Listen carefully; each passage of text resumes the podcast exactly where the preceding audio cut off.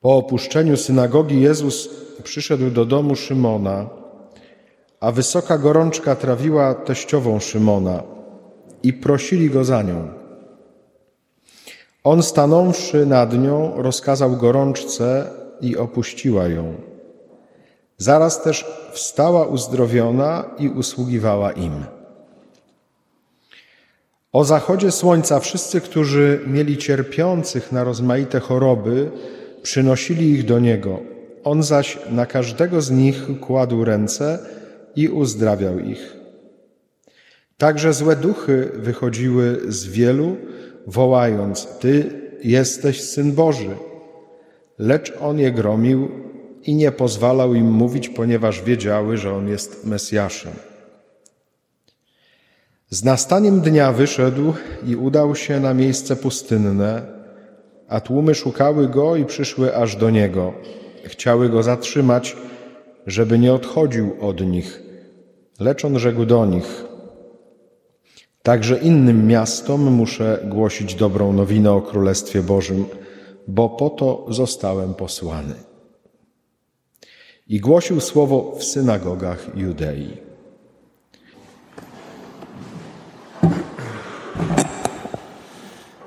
Zanim przyjechaliśmy tutaj do Opola, mieliśmy okazję tak y, pojechać na Litwę i tam z ojcem Tomaszem głosiliśmy na katolickich dniach młodych. Przyjechaliśmy e, w środę, w piątek była droga krzyżowa i wtedy, kiedy szliśmy na drogę krzyżową w Szumsku na e, Górę Trzech Krzyży, tak to się nazywało, jeden chłopak e, tak, trochę z takim wyrzutem powiedział, dlaczego musi być tak smutno. W sensie, że przyjechaliśmy na katolickie Dni Młodych, więc powinno być dużo energii, entuzjazmu i radości. I wtedy jedna dziewczyna tak się odezwała i powiedziała: Ty jeszcze nic nie rozumiesz. Lubię powtarzać y, to, że chrześcijaństwo, że katolicyzm to jest religia ludzi mocno stąpających po tej ziemi. My w naszej wierze nie uciekamy od tego, co jest trudne. Niektórzy może nawet mówią, że za bardzo może epatujemy, idziemy w jakieś takie cierpiętnictwo, ale to, czego chce przede wszystkim nas nauczyć Jezus, to to, żeby umieć przeżywać też te trudne e, tajemnice w naszym życiu. E, inaczej byśmy byli oderwani. Inaczej byśmy szli i mieli jakąś pożywkę z jakiejś ekstazy, oderwania, ucieczki, ale koniec końców to nic dobrego by nam nie dało. Kiedyś usłyszałem taką jedną rzecz e, a propos tego, dlaczego prosimy Pana Boga o uzdrowienie, że już sama msza święta rozpoczyna się od takiego pięknego gestu, że my mówimy Kyrie eleison. Oczywiście może to przybierać różną formę, chociażby w tym momencie, kiedy akt pokutny zamienia się w formę spowiadam się Bogu Wszechmogącemu, ale Kyrie eleison nam jakoś y, mocno towarzyszy, nawet jeżeli jest ono po polsku, Panie zmiłuj się nad nami. Kyrie eleison. Skąd się to wzięło? Mianowicie prawdopodobnie było tak, że kiedy cesarz jechał, żeby podbić kolejny kraj i stamtąd zbierał łupy, kiedy wracał do swojego, na, na swój dwór, po drodze spotykał biednych z jego cesarstwa. Oni wyciągali ręce, mówili: Daj nam, Kyrie eleison, zmiłuj się nad nami, ty masz, my nie mamy, więc daj nam. I z tymi otwartymi rękoma podchodzili do cesarza. I z tego, że wzięło się nam to Kyrie eleison, które mamy na początku mszy świętej, że my wołamy do Pana Boga, my nie mamy, Ty masz, więc nam daj. My nie mamy, Ty masz, więc nam daj. Tymczasem ja się nie mogę do końca z tym zgodzić. Dlatego, że kiedy spojrzymy na Pana Jezusa, na tego, który zrezygnował z tego, co miał,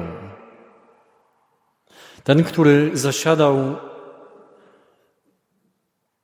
tron i był wszechmogący, z tego zrezygnował, umniejszył się, dokonał takiej wewnętrznej kenozy i stał się człowiekiem, takim samym jak my, dzieląc z nami to, to wszystko, co my musimy na tej ziemi przeżywać.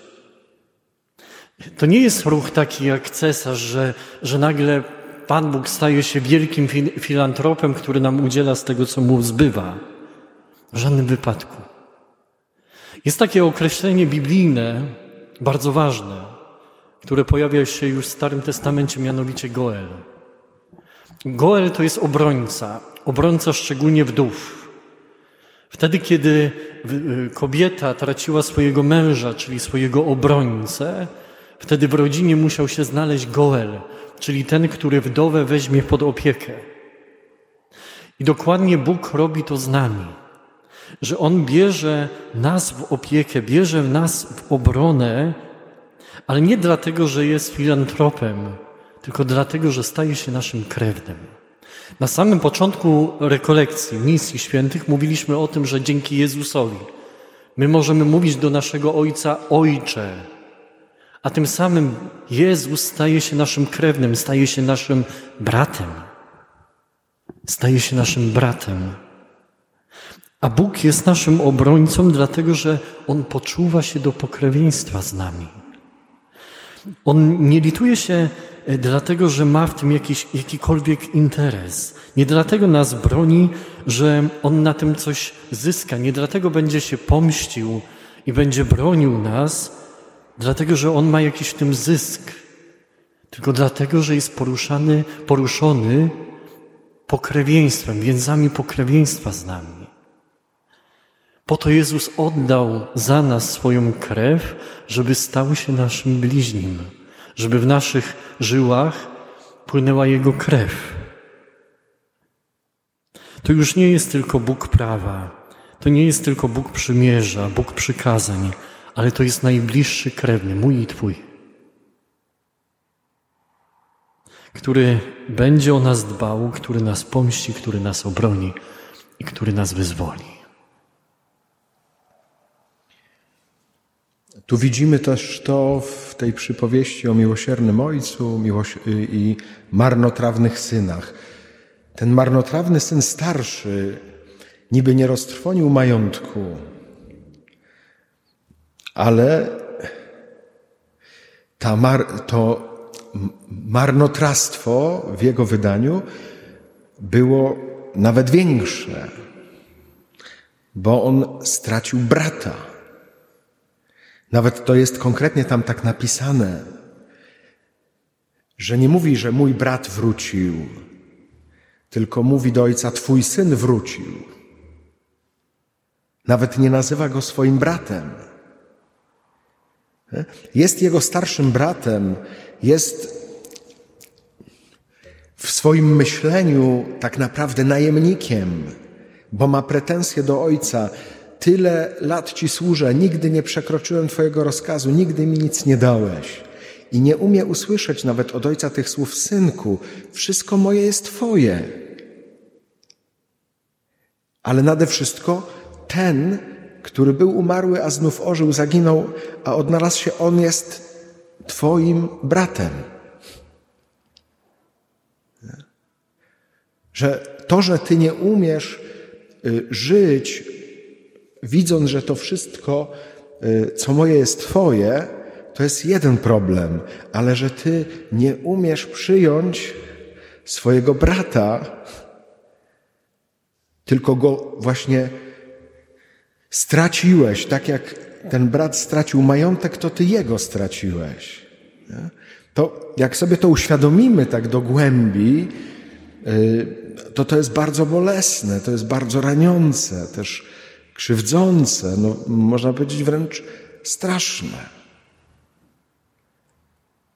A jednocześnie widzimy Jezusa, którego nazywamy bratem. On jest właśnie tym starszym bratem, niepodobnym do tego marnotrawnego starszego brata. Jezus jako nasz brat, kiedy my idziemy i trwonimy majątek, kiedy się tam gubimy, nawet lądujemy między tymi świniami, to On jest tym, który idzie. Nie? Tak jak śpiewamy w kolędzie porzuciłeś śliczne niebo, obrałeś barłogi, to On przyszedł z miłości do nas, do swoich braci i sióstr, żeby nas wyzwolić. Właśnie biorąc pokrewieństwo y, i miłość, która z tego wynika, właśnie nie tak jak ojciec Mateusz mówi, z filantropii, że ja ci tak dam z tego, co mi zbywa. Nie, ja swoje życie za ciebie oddaję. Tak jak słyszymy, nie ma większej miłości, jak oddać swoje życie za przyjaciół, czyli za tych, których kocham. Wy jesteście przyjaciółmi moimi. Jesteście moimi braćmi i siostrami, ale nie tylko formalnie, ale jesteście przyjaciółmi, czyli kochanymi przeze mnie. I to jeszcze nie tak kochanymi, bo my tak potrafimy też, tak kocham Cię. I to jest takie bardziej ulotne, e, może nawet wydaje się wzniosłe, ale właśnie nie jest blisko ziemi, nie jest konkretne. Tak jak ojciec Mateusz mówi, że to jest mocne stąpanie po ziemi. To znaczy ja z miłości przelewam konkretnie krew za ciebie. Oddaję życie, ponoszę cierpienia i śmierć, żebyś ty był ocalony, żebyś żył. To taki jest nasz starszy brat. Nie ten, który się mnie wyrzeka, nie chce mnie znać, jeszcze jest na mnie obrażony, tylko ten, który oddaje za mnie życie. To, co święty Paweł też podkreśla, że oddaje życie wtedy, kiedy my jesteśmy jeszcze grzesznikami. Nie kiedy jesteśmy już nawróceni, prawda, już do Niego przylgnęliśmy. Nie. On pierwszy idzie nas szukać tam, gdzie pogubiliśmy się. I widzimy to w całej Ewangelii, właśnie i jak pozyskuje Samarytankę i Zacheusza, wielu innych, co co mu zarzucają, że przebywa z celnikami, grzesznikami, jada, właśnie, że, że on tam idzie, wszędzie tam, gdzie jest potrzebny, gdzie widzi swoich braci i siostry. Mówi nawet właśnie o Zacheuszu, czy to, to też jest syn Abrahama, czyli mój brat. I staje się człowiekiem, żebyśmy nie mieli wątpliwości. I więcej właśnie daje swoje życie za nas z miłości, bardzo konkretnie. To jest w ogóle cała tajemnica krzyża. Tak jak mówiliśmy Wam na początku tych misji, pokazując obrączkę i mówiąc, że czy to jest coś, czy to jest ktoś, to tak samo warto zobaczyć krzyż. Jakbym Was spytał, czy to jest coś, czy to jest ktoś, Pierwsi chrześcijanie nie chcieli przedstawiać krzyża, bo dla nich cały czas jeszcze to była szubienica. Ale pomyślcie teraz, na ile my świadomie robimy znak krzyża, jak mówimy w imię Ojca i Syna i Ducha Świętego, czy my, kapłani, błogosławimy Wam znakiem krzyża. Jakbyśmy myśleli tylko po ludzku, to to jest znak przekleństwa, znak hańby. To tak jakby pobożny Żyd patrzył na to, który jest napisane, że to jest zgorszenie dla Żydów albo głupstwo dla pogan. To jak my was błogosławimy jako kapłani znakiem krzyża, to jakbyśmy was przeklinali. Życzymy wam wszystkiego najgorszego. Bo stawiamy na was krzyż, czyli wszystko, co najgorsze was może spotkać to jak my możemy to, to przyjmować? To nie przyjmujmy tego. Tylko, że właśnie jeżeli my dobrze rozumiemy to, co się stało na krzyżu, to wtedy widzimy, że to jest znak chwały, że to jest znak miłości, że to jest znak błogosławieństwa, że nie ma większej łaski, jak przyjąć ten znak do swojego życia. To jest takie mocne choćby w świętym Franciszku, który nawrócił się pod krzyżem. Jak go pytają właśnie, w jakim, y, jaki ma wyglądać habit. On mówi w kształcie krzyża. Jak pytają go bracia, co mamy głosić, on mówi, y, niech krzyż będzie księgą waszej Ewangelii, z której będziecie głosić. Że nie ma chrześcijaństwa bez krzyża. Że to jest największy skarb tylko rzeczywiście trzeba przyjąć Ducha Świętego, perspektywę Pana Boga. który widzi w tym miłość, a nie hańbę czy zgorszenie. To naprawdę tak po ludzku stoi na głowie. Ale jeżeli przyjmiemy tą Bożą perspektywę, tą perspektywę miłości, to zobaczymy, że to jest miejsce chwały, też miejsce wywyższenia, miejsce uwielbienia. Tak na to patrzy Bóg Ojciec, tak to widzi Jezus Chrystus, tak nas do tego e, przygotowuje i poucza Duch Święty. W dzisiejszej Ewangelii e, widzimy, jak Jezus uzdrawia teściową Piotra. Jest taki kawał w ogóle, że dlaczego święty Piotr się trzy razy zaparł, bo mu teściową uzdrowił. No tak się trochę odegrał. Ale zaraz w tej Ewangelii widzimy też to, że tłumy idą za Panem Jezusem po to, żeby ich uzdrowił. I może warto dzisiaj zapytać siebie, y, co jest też Twoją raną? Z czym Ty konkretnie przychodzisz tutaj? Pewnie to są różne historie. Pewnie każdy z Was coś innego niesie tutaj, żeby to pokazać y, Panu Jezusowi. I moglibyście powiedzieć, że yy, nie wiem, patrząc na mnie, pewnie większość z Was jest starsza ode mnie. Co on się tak mądrzy na temat y, cierpienia i krzyża, jak on jeszcze życia nie przeżył. Zastanawiałem się i rano jednak zdecydowałem się to powiedzieć. Hmm. Moje ostatnie cztery lata przynajmniej upływają pod takimi e, różnymi historiami. E, wymienię tylko te najważniejsze. E, ostatnie cztery lata musiałem się zmagać z jakimś takim fałszywym oskarżeniem wewnątrz Kościoła. Kiedy przyszedłem do Łodzi, gdzie teraz mieszkam z ojcem Tomaszem, zgłosiła się do mnie młoda para ludzie, prawnicy, którzy wrócili z Berlina, gdzie studiowali, wrócili do Łodzi, zamieszkali w Łodzi, próbowali, starali się o dziecko. Siedem poronień przez ostatnie lata. Siedem razy starali się o to, żeby mieć dziecko, bardzo chcą. I siedem razy musieli przechodzić przez takie straszne piekło. W międzyczasie y, też zgłosiły się do mnie osoby, które były krzywdzone przez księży. Okropne historie. Nawet nie chcę ich za bardzo odchylać, dlatego że to są bardzo intymne rzeczy. Do tego jeszcze y, prokuratura, policja, później kolejne rozprawy, przesłuchania. Wokół tego jeszcze e, ja sam się zmagam z chorobą nowotworową, niby ona jest uspokojona, ale ciągle drzemie. Ileś tych historii na siebie się nakłada.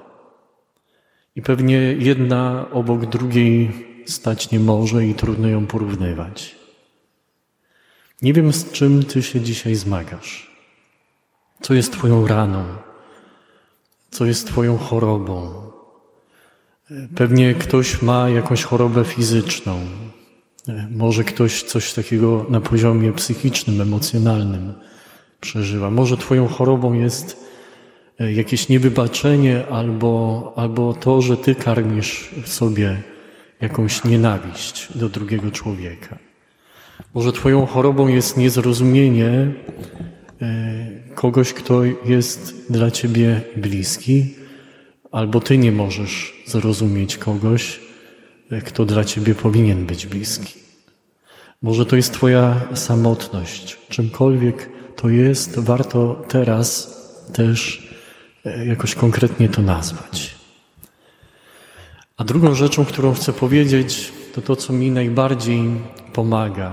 To to, że tak jak ojciec Tomasz powiedział, że e, ta miłość Jezusa jest bardzo konkretna, tak pięknie to przedstawia także nasza wiara. Szczególnie wtedy, kiedy mówi o Jezusie, który nosi w sobie rany, nawet jeżeli jest zmartwychwstałym e, po swojej śmierci. Dlatego, że chcę powiedzieć to jasno i wyraźnie, bo wiele, wielokrotnie spotykam się z takimi oskarżeniami, z takimi pytaniami, gdzie był Bóg. Moja znajoma, kiedy działy się też takie rzeczy w naszym zakonie, że jeden z naszych braci krzywdził e, osoby dorosłe, to zapytała się mnie, a gdzie w tym wszystkim był Bóg? Jedyną odpowiedzią, którą wtedy miałem, która nie chcę, żeby zabrzmiała banalnie, dlatego próbuję to jakoś spokojnie powiedzieć, to to, że Bóg jest e, w tych ludziach, którzy cierpią.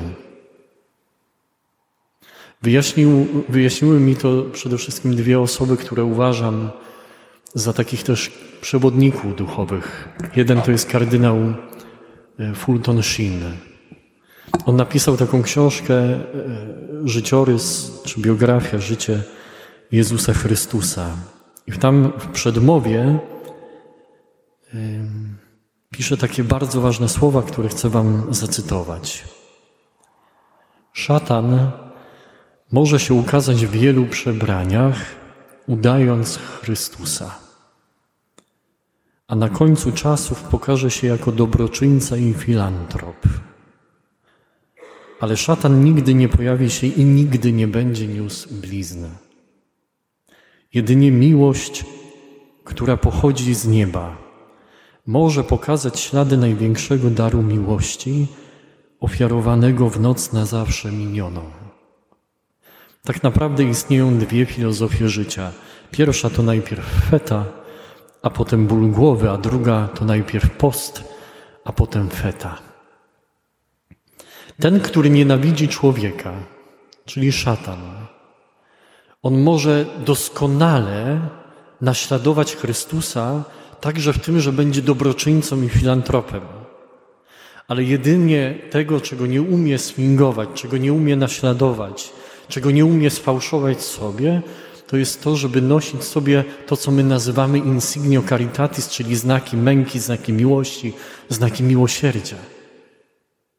Jest taka opowieść o świętym Marcinie, że kiedy objawił mu się szatan, no to kiedy Marcin zobaczył e, zamiast szatana, to zobaczył Chrystusa, to zapytał się go: Pokaż mi swoje rany, bo inaczej nie uwierzę.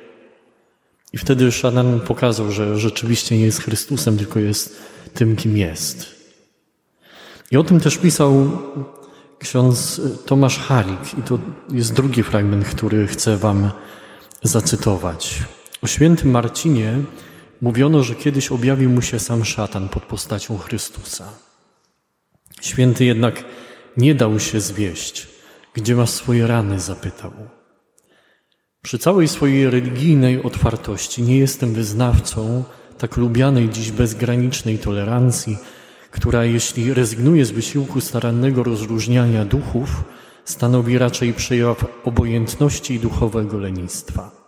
Jest przecież czymś naiwnym i niebezpiecznym niedostrzeganie faktu, że naprawdę istnieją również destruktywne obrazy Boga i że w najbardziej nawet szacownych tradycjach drzemią symbole, sentencje i opowieści, które mogą zostać łatwo przekute w zbroję zamiast w lemiesze.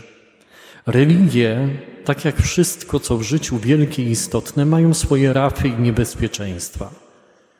Dlatego za apostołem Tomaszem i świętym Marcinem proszę wszystkich, którzy po śmierci Boga czy po upadku ironicznych bożków ubiegają się o pusty tron. Pokażcie mi najpierw swoje ra rany. Nie wierzę już bowiem niezranionym wiarą. I tutaj ksiądz Halik będzie odnosił się do Ewangelii o świętym Tomaszu. Pamiętacie tę Ewangelię, kiedy Tomasz chciał włożyć palec w ranę Pana Jezusa i powiedział, że dopóki nie włożę, to nie uwierzę. I. I ksiądz Tomasz Halik próbuje uratować Tomaszową wiarę. W jaki sposób? Posłuchajcie. Być może Jezus, skrzeszając Tomaszową wiarę przez dotknięcie rany, Chciał mu powiedzieć dokładnie to, co nagle olśniło mnie w sierocińcu Madrasie, tam gdzie ksiądz Tomasz posługiwał, tam gdzie dotkniesz ludzkiego cierpienia i być może tylko tam. Tam poznasz, że ja jestem żywy, że to ja jestem. Spotkasz mnie wszędzie tam, gdzie ludzie cierpią. Nie uciekaj przede mną żadnym z tych spotkań, nie bój się. Nie bądź niewierzący, ale wierz. Pan Starego Przymierza objawił się Mojżeszowi w krzewie ognistym. Jego jednorodzony Syn, nasz Pan i Bóg, objawia się w ogniu cierpienia w krzyżu. A my rozumiemy Jego głos w takiej mierze, w jakiej bierzemy na siebie swój krzyż i w jakiej jesteśmy gotowi nieść także brzemiona innych. A rany tego świata, Jego rany stają się dla nas wyzwaniem. Zawsze tam, gdzie spotkasz człowieka cierpiącego, zawsze tam, gdzie spotkasz człowieka niezrozumianego, odrzuconego, niezaakceptowanego, zawsze tam, gdzie spotkasz człowieka, który jest samotny, pogrążony w depresji, zawsze tam, gdzie spotkasz człowieka biednego i nie, nie będziesz go zbywał, nie będziesz od niego uciekał, to może być miejsce, gdzie spotkasz żywego Boga, który ma rany. Wyobraźmy sobie taki kościół, w którym wyrzucimy sobie ludzi biednych, wyrzucimy ludzi zranionych, wyrzucimy ludzi pogubionych. Gdzie my spotkamy wtedy Chrystusa, którego możemy dotknąć? Jeżeli będziemy uciekali od swojego też cierpienia, od swojej samotności, od swojej rany, to gdzie Ty chcesz spotkać Chrystusa żyjącego? Wszędzie tam, gdzie są rany, gdzie będziesz kładał swój palec i swój bok, tam masz szansę spotkać się z Bogiem. To bardzo mocno brzmią te słowa pisma. Nie potrzebują lekarza zdrowi, lecz ci, którzy się źle mają. Nie przyszedłem powołać sprawiedliwych, ale grzeszników. Ja tylko sobie przypominam, takie głosiłem rekolekcje dla małżeństw. Y, tak było około stu osób. Piękne małżeństwa, piękne dzieci, rodzice, młodość. I po komunii coś tak mnie szarpie, żeby zadać takie pytanie: kto tu jest chory? Nie? Mówię, bez sensu takie pytanie. Patrzę, piękni ludzie. Skąd to się. No, ale to tak mnie wierciło, że zadałem to pytanie: kto tu jest chory? 90% podniosło ręce. Dzieci, rodzice. Nie zdawałem sobie sprawy ze skali. Tak moż, można by powiedzieć, no to wystarczy, żeby każdy z nas, każda z nas poskrobał troszeczkę paznokciem tam. To dziura na dziurze. Nie? Potrzebujemy miłosierdzia? Potrzebujemy miłości? Czy tak będziemy cały czas robić siebie kogoś, kim nie jesteśmy? Nie? Jeżeli czujesz się sprawiedliwy, jeżeli czujesz się zdrowy, jeżeli, no to Pan Jezus do ciebie nie przyszedł. Ale On wie, jaki jestem. Nie? Wie też, jaki jest mój brat, moja siostra. Bardzo mi się spodobało kiedyś pan Ernest Bryl mi y, mówił swój wiersz i on, y, jak to poeta, umiał odwrócić. Nie? I tak jak Widzimy Tomasza, który dotyka ran Jezusa. On tak odwrócił, już nie pamiętam dokładnie e, tego fragmentu. Mówi, ale że Jezus dotyka Twoich ran i że to jest dużo ważniejsze. Nie, żebyś tylko Ty dotknął ran Jezusowych, ale czy pozwolisz Jemu dotknąć swoich ran? A On lepiej od Ciebie wie, gdzie je masz. Jak bardzo my nie wiemy, dlaczego tak się zachowujemy, albo tak robimy, czy inaczej, dlaczego tego unikamy, albo na to się złościmy. Bardzo często nie wiemy, dlaczego w taki czy inny sposób postępujemy. On wie,